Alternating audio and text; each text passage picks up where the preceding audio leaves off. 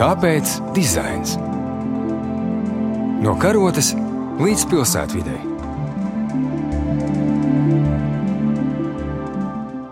Labdien! Klasikas studijā Ilze Martinsone, Latvijas arhitektūras muzeja vadītāja un studijas viesņa. Šodien ir Evelīna Ozola, Rīgas pilsētas galvenā dizainere. Labdien!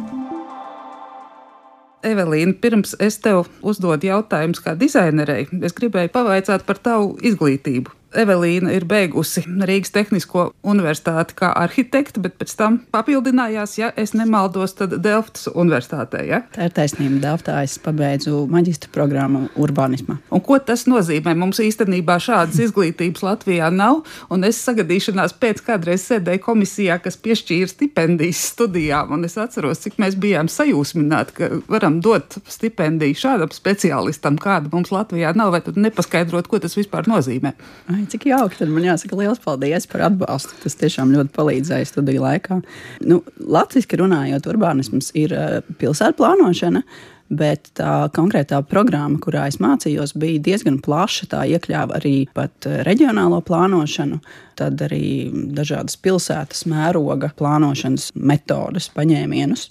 Un visbeidzot, arī pilsētvidas dizaina mērogu. Tā mēs izmēģinājām visu, Un es jau diezgan agri sapratu, ka tieši pilsētvidas dizains ir tas, kas man visvairāk saista. Ielas, laukumi, parki, skvēri, viss, kas atrodas starp ēkām un kas ir publiski pieejams un ko cilvēki ikdienā lieto.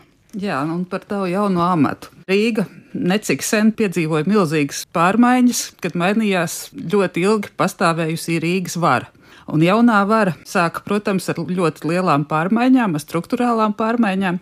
Un vienu brīdi pat klīda baumas, ka apdraudēta ir Rīgas pilsētas arhitekta biroja eksistence, bet tā patiesība ir izrādījusies pilnīgi savādāk. Rīgas pilsētas arhitektam ir dotas pat lielākas pilnvaras un palielināts štatu skaits, un mēs esam ieguvuši arī jaunus amatus, tā izskaitā Rīgas pilsētas galveno dizaineru.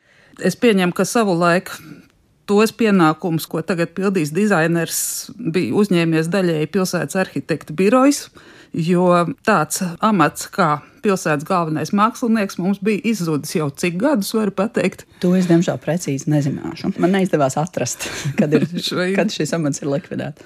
Jā, nu katrā ziņā ilgāku brīdi mēs esam dzīvojuši bez pilsētas mākslinieka, bet dizainers nav mākslinieks. Es pieņemu, ka tās funkcijas varbūt daļēji pārklājās, bet tomēr ne.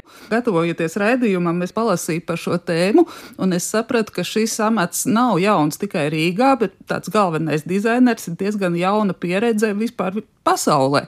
Un šai ziņā man ir liels prieks. Mēs visu laiku gaužamies un sūdzamies, ka mēs esam tādi atpalicēji vai nevienmēr skatāmies uz igauniem un kā mēs tie latvieši neko nevaram.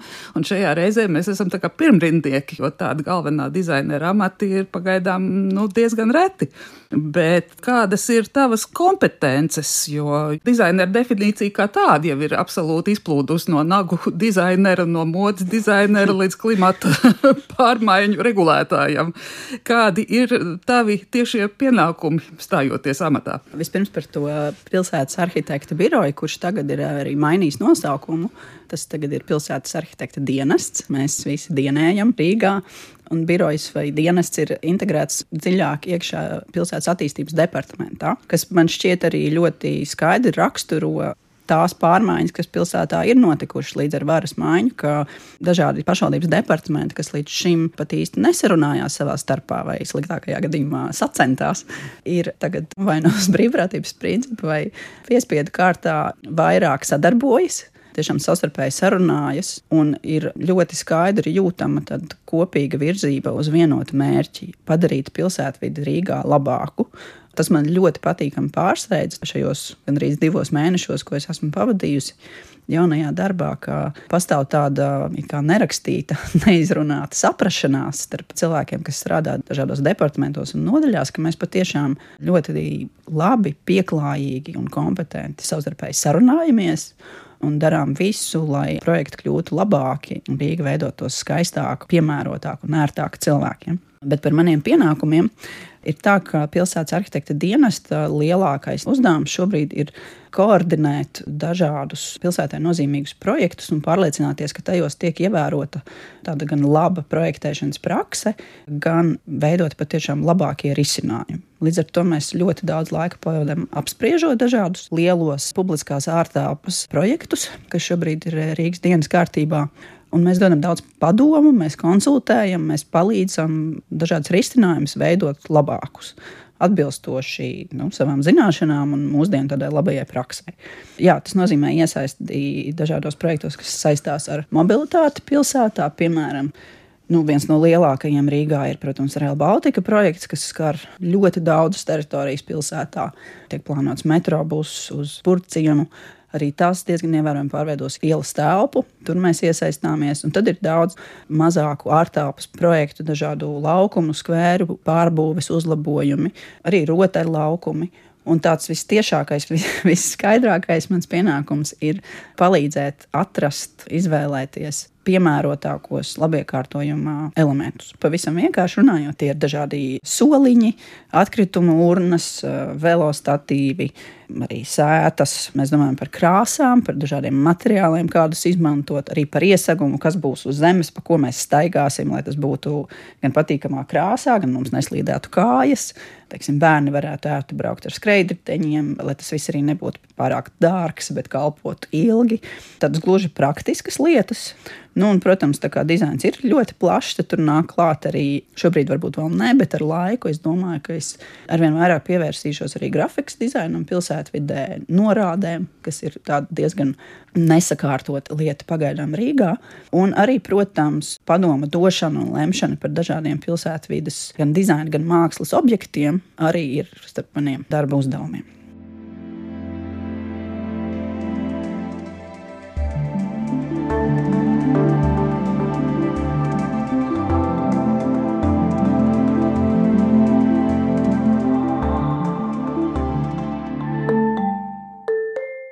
Tad, kad tu stājies savā jaunajā amatā, es pieņemu, ka droši vien bija konkurss un tev bija jāizstrādā arī kāda vīzija. Tā tas parasti notiek. -hmm. Kāda ir tava ideālā vīzija, ko tu gribētu redzēt nākotnē? Varbūt pat vairs nebūs savā amatā, būs kāds tavs pēctecis, bet nu, kaut kādā mm -hmm. 10, 20 gadu perspektīvā, kam būtu jānotiek? Jā, mana motivācija pieteikties šajā konkursā, lai tiktu pie šī darba, bija tāda, ka ir skaidrs saprotams, ka pilsēta ir lielākais publiskās ārtelpas pasūtītājs. Un uh, pasūtītājam ir jābūt uh, zinošam, prasīgam pret izpildītāju, un tam jāprot arī atrast labi projektētāji. Es sapratu, ka šeit uh, ir iespējams kaut ko diezgan ievērojami uzlabot. Un tādēļ es no strādāšanas privātajā sektorā, arhitektūras un dizaina birojos, nolēmu pāriet otrā pusē, pasūtītāja pusē, lai palīdzētu, teiksim, nopirkt labu dizainu, piesaistīt labus profesionāļus, pareizi veidot uh, iepirkumus, konkursus, gan uh, zinoši un ieinteresēti, arī, kas man šķiet ļoti svarīgi, pārstāvēt iedzīvotāju intereses projektēšanas procesā, strādāt ar tiem, kas projektē, un dot viņiem labus padomus un teikt, kas ir vajadzīgs. Un, uh, Es domāju, ka tas palīdzētu uzlabot uh, nevienu to gala rezultātu, bet arī pašu procesu, kas arī ir dizaina sastāvdaļa. Tā ir daļa no tā, gan manas motivācijas, gan tā, ko es gribētu redzēt. Tad, protams, ir lietas, kas ir šobrīd dienas kārtībā ne tikai Rīgā, bet arī daudzās citās pilsētās, ir kā palīdzēt pilsētai labāk pielāgoties klimata pārmaiņām, kas ir nenoliedzamas, mēs visi to redzam pilsētai ir jāspēj labāk tikt galā gan ar karstumu, gan uh, lielu nokrišņu daudzumu. Un, protams, tas, ko es uh, droši vien gribētu redzēt kā savu darbu iznākumu, ko es ceru, tad arī kāds turpinātu, ir veidot pilsētu ar vienu ērtāku dažādām iedzīvotāju grupām, lai būtu droši un patīkami pilsētā dzīvot ar maziem bērniem, lai senioriem ir gan ērti pārvietoties un arī kur apsēsties ik pa brīdim, lai cilvēki var izvēlēties, ar kādu transporta veidu ērti un droši pārvietoties.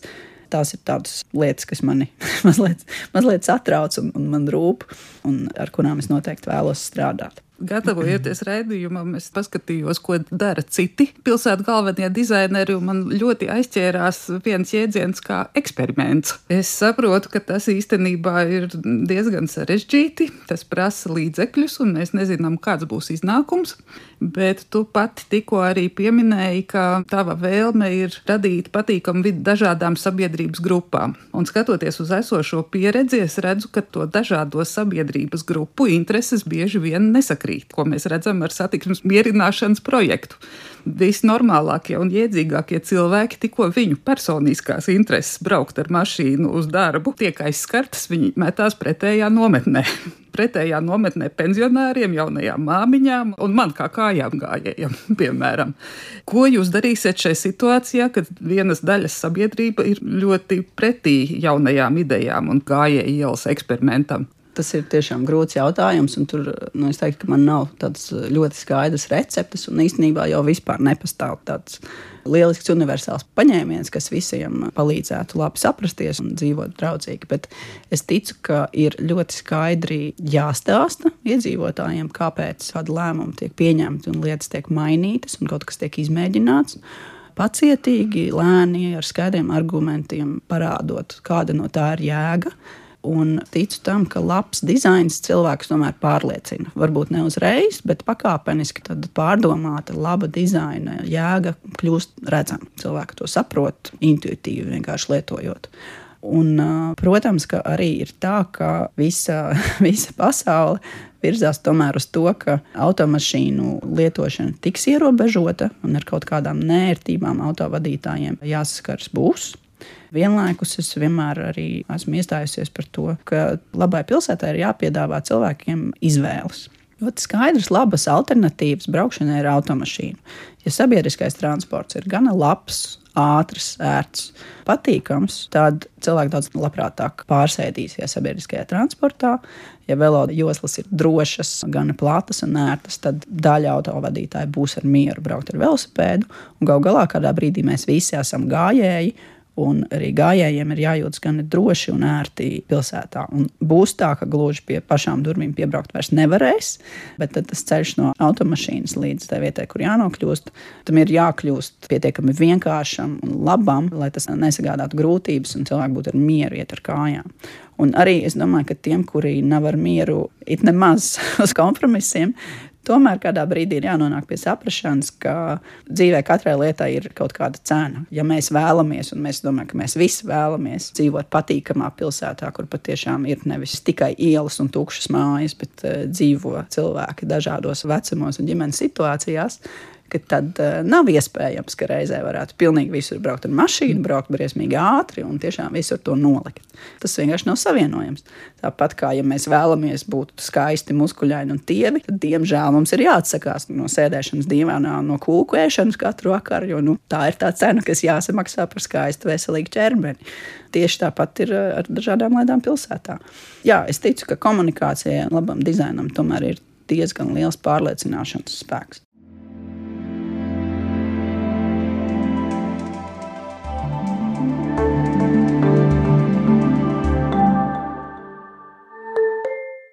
Es šo sarunu biju iecerējusi veidot vairāk par stratēģijām un vispārinātu, bet eh, viena tava piebilde aizķēra man ļoti konkrēti jautājumu un tas ir Rail Baltica projekts. Es vienkārši atceros to brīdi, kad notika konkurss un bija divi konkursu uzvarētāji, Dāņu projekts galu galā tika atzīts par labāku tikai tāpēc, ka otrs latviešu projekts bija pārāk, kā es saprotu, dārgs, un tas risināja vairāk jautājumus nekā stacija viens spēja pacelt. Un es atceros tā laika pilsētas domas pilnīgo aroganci pret šo projektu, kas neļāva mēs būtu varējuši atrisināt ļoti daudz ko reizē ar šo staciju, un kā toreiz Andris Sīls arhitekts teica, tāda iespēja ir reizes simts gados, ka pilsēta pārplāno savus centrālos transporta mezglus, un tas tolaik nenotika toreizējās, manuprāt, pilsētas vadības dēļ, bet es saprotu tagad, kāda sadarbība notiek, vai viņa ir kļuvusi labāka, veiksmīgāka. Īstenībā šis projekts ir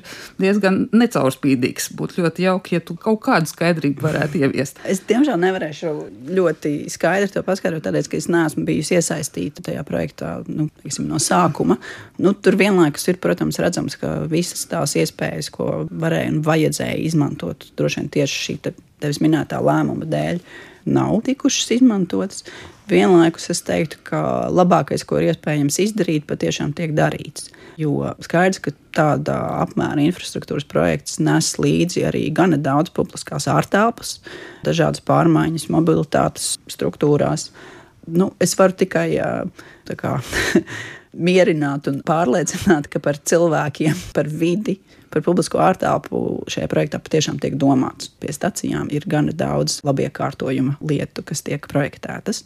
Jā, bet vienlaikus es teikšu, ka es neesmu kompetentākā šobrīd persona, kas šo varētu komentēt, jo ir citi, kas tur ir daudz, daudz vairāk iekšā.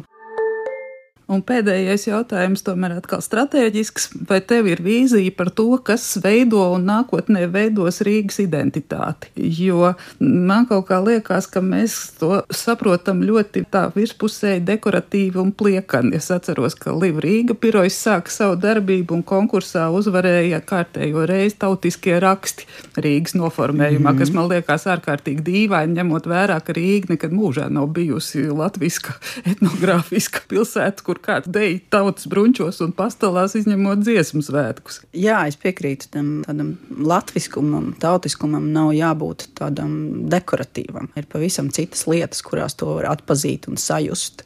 Un man šķiet, ka tas, kas šobrīd vieno mūsu visus pilsētas arhitektu dienestā, ir tāda vēlēšanās atgriezties pie tās Rīgas, pie Rīgas šarma, kādu atceras cilvēki pirms otrā pasaules kara, kas iekļauj tādu Nu, tā ir tāda kosmopolītiska Rīga, tā ir ļoti eiropeiska Rīga, kurā dzīvo daudz dažādu cilvēku, kurā ir tāda ievērojama ekonomiska aktivitāte, kurā ir tāda laba rosība enerģija. Un mēs skatāmies ar zināmu arī nostalģiju, protams, vēsturiskus dažādus fotoattēlus, kad mēs redzam, ka ielās aug uh, lieli skaisti koki. Ir skaidrs, kas ir bulvāris un kas ir mazāka iela, ar ko tie atšķiras.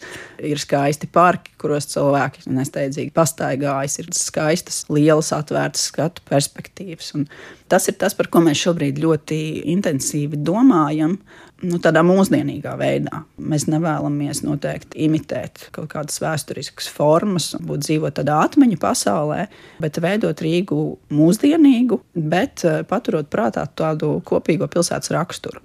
Un tādi paņēmieni, ar ko tas tiks veidots, ir pilsētas ārtelpas kvalitātes vadlīnijas un labiekārtojuma elementu katalogs. Šīs abas lietas, pie tā mēs strādājam kopā ar pilsētas galveno ainavu arhitektu Indru. Un man šķiet, ka tieši ar šiem dokumentiem, kas būs tādas kā labā stila rokas grāmatas, varētu teikt, ka ar tiem ir iespējams panākt tādu pilsētas identitāti, kas būtu gan latviska, gan kosmopolitiska, gan mūsdienīga, gan ekoloģiskos aspektos, gan mobilitātes aspektos, gan vispārējā tādā dzīvojamības aspektā. Un tāda pilsētas identitāte veidojas no ļoti daudziem nelieliem elementiem. Tas ir kādus un kur mēs stādām kokus, kādi ir ielu ieseguma materiāli, kā veidojas, piemēram, labs krustojums, kādi elementi, kādi stabi tajā atrodas, cik to ir daudz, lai to nav pārāk daudz, kādas ir atkrituma urnas, kādas ir vietas, kur apsēsties, dažādi stila soliņi, dažādām arī vietām piemērot, jo tas, kas piestāvēs, teiksim, Rīgas klusajam centram, varbūt nepiestāvēs Āgenskalnam vai Imantai. Tādēļ arī mēs eh, esam sākuši domāt par to, kā pilsētu sadalīt tādās skaidrās telpiskās zonās, un katrai no tām piemeklēt lietas, kas patiešām piestāvētu.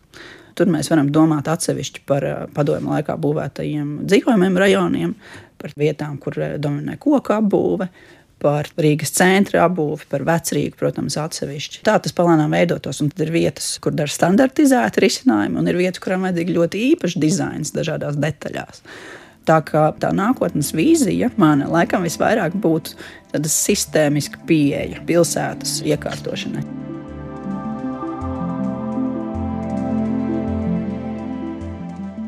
Paldies, Evelīna! Klasikas studijā bija Ilze Martinsone, Latvijas arhitektūras muzeja vadītāja, un Evelīna Ozola, Rīgas pilsētas galvenā dizainere. Raidījums ir tapis ar valsts kultūra kapitāla fonda atbalstu.